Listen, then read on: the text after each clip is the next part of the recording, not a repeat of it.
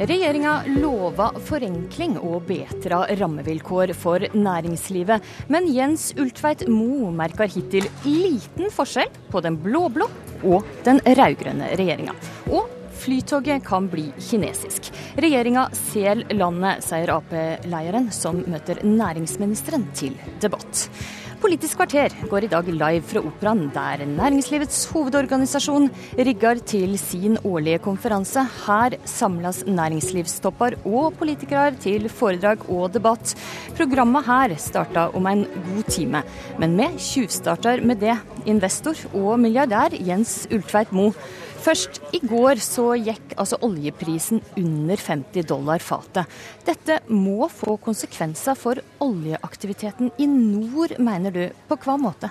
Ja, klart, klart det. Vi driver jo med olje for å tjene penger. Nå taper vi penger. I dagens eh, pris er det bare en tredjedel av feltene i Nordsjøen som tjener penger. Og det er klart at dette må få virkning. Det får virkning for at investorene som skal inn investere i nye felt. De sier at nå tjener ikke noe, så da faller det. Ja, hva for konsekvenser vil dette konkret få for olje, eh, den planlagte oljevirksomheten i nord? Konkret så får det jo konsekvens for Barentshavet. Oljeindustrien har en veldig god track record på, på, på forurensning, fisk, å ta vare på den slags. Der er det ikke noe problem. Men når, når selskapet nå skal se på å bygge ut i Barentshavet, så faller det jo. De trenger Castberg eh, trenger 85 dollar. Nye felt der vil trenge 100 omtrent. Det er det doble av dagens. Så det betyr at før oljeprisen kommer sterkt opp, vil man ikke engang se på det. Men bør en sette en pause på all leitevirksomhet i nord? Markedet har satt pausen. Og pausen blir veldig viktig. Fordi at når, når og hvis, og det får vi håpe, oljeprisen kommer opp, så kan det være at man da ser på nye utbygginger. Men så kommer de så sent. De kommer i gang slutten av 20-årene, produksjon 2030 og utover. Og da vet vi jo at oljeselskapene planlegger på kvotepris, som gjør, som gjør oljen dyrere. Da vil vi snakke 120 dollar, så trenger vi. Og går vi enda et stykke ut, til 2050, så sier Norge og nabolandene at da skal vi redusere utslipp med 80% Da blir rett og slett ikke behov for den oljen.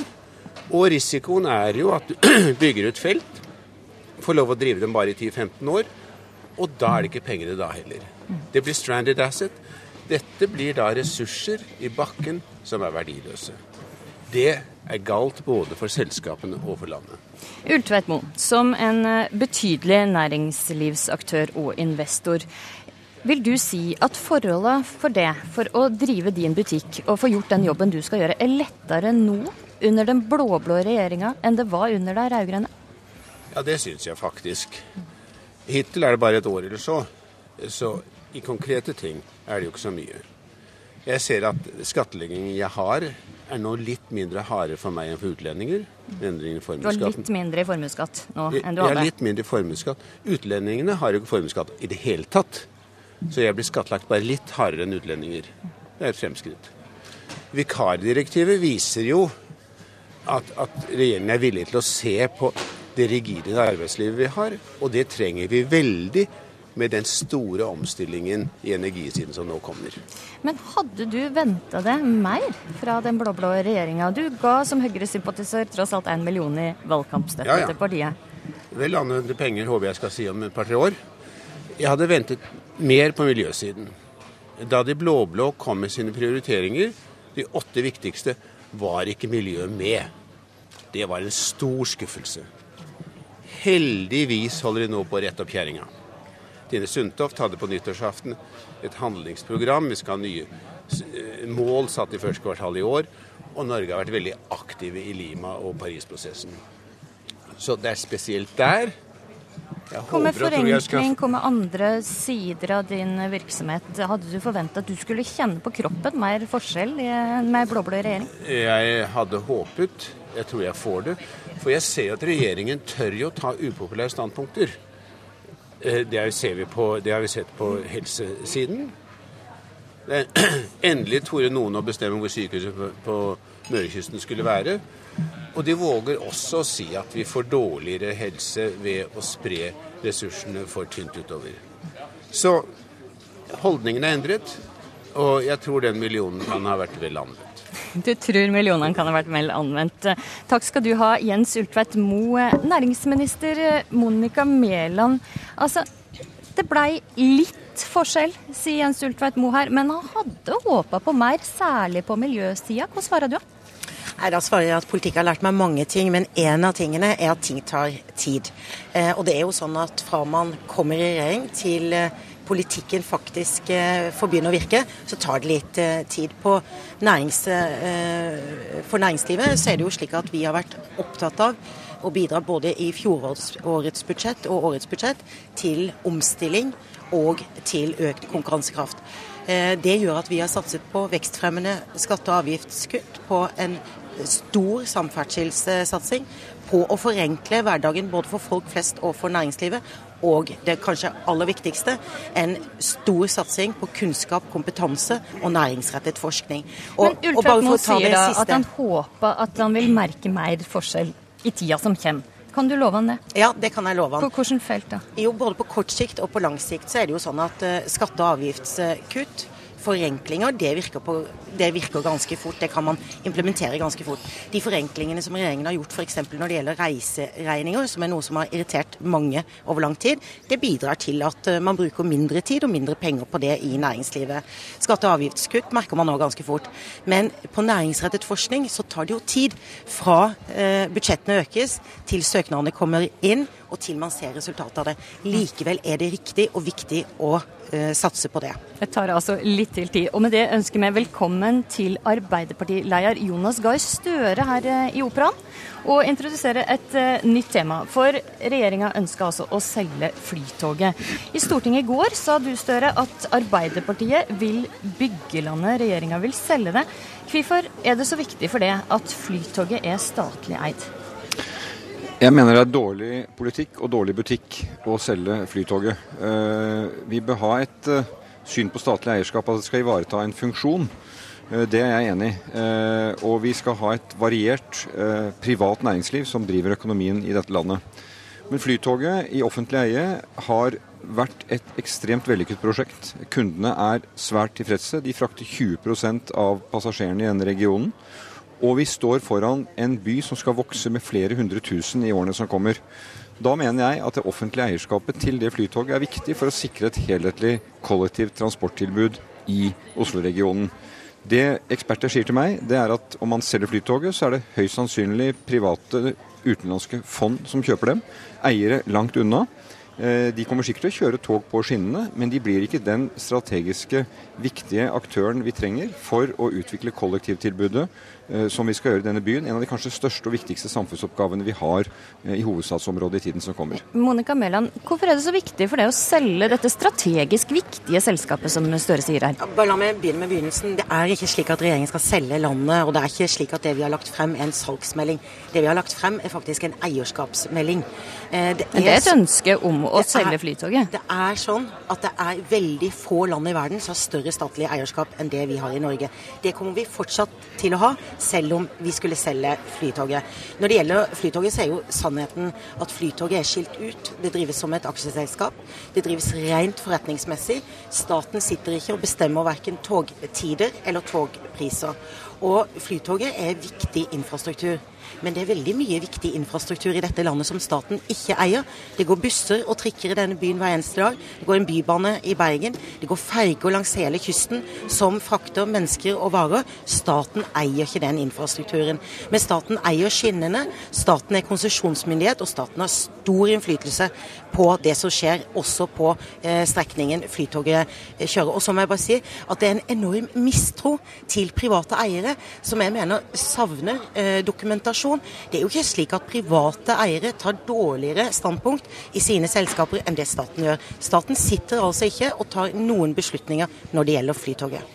Nei, det er jeg enig med deg Monica Mæland, at private eiere de er gode eiere for de bedriftene de styrer. Men det vi snakker om her er å ta et aktivt valg om å endre eierskapet til Flytoget. Og vi vet, som Stockholm, Arlanda Ekspress, der er det altså kinesiske og australske eiere. De er sikkert dyktige på sine områder, men det bringer beslutningene og horisonten og perspektivene lenger fra den virkeligheten vi har. Jeg ser norske investorer sier at det virker jo som galskap å selge et flytog som for det første går veldig bra økonomisk, sørger for inntekter til eh, statskassa og ivaretar denne viktige funksjonen. Og jeg tror vi kommer med infrastruktur, og vi kommer til i årene som kommer til å ha behov for at de som eier og driver infrastruktur, kollektivtrafikk i hovedstadsregionen, må sette seg ned sammen og si hvordan løser vi nye tunneler, nye samarbeid mellom de ulike transportårene. For... Jeg tror du f.eks. ikke at kinesiske eiere vil være med på den jeg tror diskusjonen? De jeg tror de vil ha et annet perspektiv, ganske naturlig. Eh, så, ikke det riktig? Ja, de vil tenke litt annerledes. Det som blir veldig vanskelig her, det er å forstå hva det Arbeiderpartiet mener. I hvert fall hva de mener i opposisjon kontra hva de mente i posisjon. I fjor sommer så satt Gahr Støre i en eller forfjor ble det jo nå, sommer satt eh, Gahr Støre i en regjering, så solgte halvparten av eh, Cermaq, eh, Evos, til to utenlandske oppkjøpsfond. Et selskap som gikk med store overskudd, med veldig mange ansatte. 1000 ansatte, 300 av de i Norge. Da var det altså ingen debatt om å fjerne beslutninger fra Norge. Det var ingen debatt om eh, hvilke problemer dette skulle medføre. Stort selskap som hadde veldig gode resultater. Nå er det ikke sånn at det er resultatene i selskapene vi ser på når vi ser hva vi skal eie. Det er sånn at eh, staten eier en rekke selskaper som også ikke går godt. Det kommer vi fortsatt til å gjøre fordi vi mener det er strategisk viktig. Store Norske er jo et sånt selskap. Men det, men det, men det er veldig klokt. Men det var andre argumenter for salg av de bedriftene. Vi har jo, som næringsministeren riktig sier, sier, foreslått å tatt noe av eierskapet ned. Grunnen til at eierskapet gikk veldig opp, var jo at man delprivatiserte Statoil i sin tid. Men jeg mener vi må gå da selskap for selskap. Og det er tre selskap jeg har trukket fram hvor jeg er altså kritisk til regjeringens initiativ om å selge ned. Det ene er å selge Flytoget, jeg mener det er feil. Det andre er å delprivatisere Statskog som uh, eier en femtedel av grunn og skog i Norge. Og det tredje er det signalet som går på at man skal da selge seg ned i Kongsberg Gruppen. Fra 50% til 34% hvis Kongsberg Gruppen finner en god industriell partner og vil inngå samarbeid, så bør man være åpen for å vurdere det. Men det signalet regjeringen her sender til et så viktig strategisk selskap, som driver med så sentrale ting, som er viktigere nå enn det var for fem-ti år siden, både innenfor teknologi og våpen, det mener Arbeiderpartiet er en dårlig beslutning. Og om vi skulle ha ment noe annet for ti år siden, så står vi veldig trygt på at vi mener dette nå. Men Er det ideologiske grunner til at regjeringa nå ønska dette nedsalget?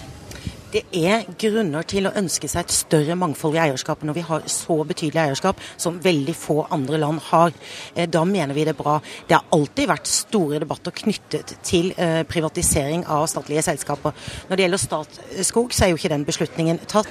Og så er det sånn at også fra regjeringens side har vi et aktivt forhold til dette. Noe av det aller siste vi leverte til Stortinget før eh, nyttår, det var altså en sak om å tilføre 10 milliarder i ny egenkapital til Statkraft. Det handler om å sikre arvesølvet. Det handler om en kraftig satsing på fornybar. Det fikk enstemmig tilslutning. Sånn at vi er eh, på alle måter enig i å diskutere hva som er strategisk viktig å eie, hvor det er viktig å tilføre kapital. Men for Flytogets del så er det jo sånn at det er ikke avgjørende for deg og meg når vi tar Flytoget, at det er staten som sitter og eier aksjene. Det, det, er vi også aktivt uenig i. Det Flytoget går noen hundre meter borte i, i gaten her, eh, men den skal ta store beslutninger om hvordan det skal virke i transporten i sektoren. Så vil, så vil jeg bare si, jo, men altså, Hvis du er eier og aktiv eier, så vet du når du intervenerer og har en mening. Poenget her er at eh, regjeringen sier at den vil selge ned for å få et mer privat eierskap og spre makt. Det syns jeg er en aktverdig mål. Men vi må kunne se på ja, det enkelte selv. Jo, den men, ideologien kan du være enig i? Ja, og den er de òg enige i når de sitter i regjering. Da tar de beslutningene nå, Mæland, nå, stå, nå, nå står jeg i opposisjon og sier at jeg står ved den eierskapsmeldingen vi la. Selvfølgelig skal vi ha et bredt privat eierskap i norsk næringsliv, men vi har et offentlig eierskap av en historisk årsak. Vi er annerledes fra Sverige og Danmark i måten vår industri har utviklet seg. En grunn til at vi som sagt har et høyt statlig eierskap i Norge på børsen, er at Statoil ble delprivatisert. Og så må vi spørre hvilken funksjon skal det statlige eierskapet ha? Og det er da jeg mener at de må gå inn og se på de selskapene, hvilken rolle de spiller i samfunnet. Og, og her har vi det blir nok det siste vi får sagt i den diskusjonen. Der må jeg nemlig takke av det Jonas Gahr Støre. Takk også til det Monica Mæland. Med det takker jeg med for oss denne omgang fra Operaen. Vi er tilbake på NRK1 eh, og nrk.no med direktesending herfra klokka 8.30. Programleder i dag var Astrid Randen.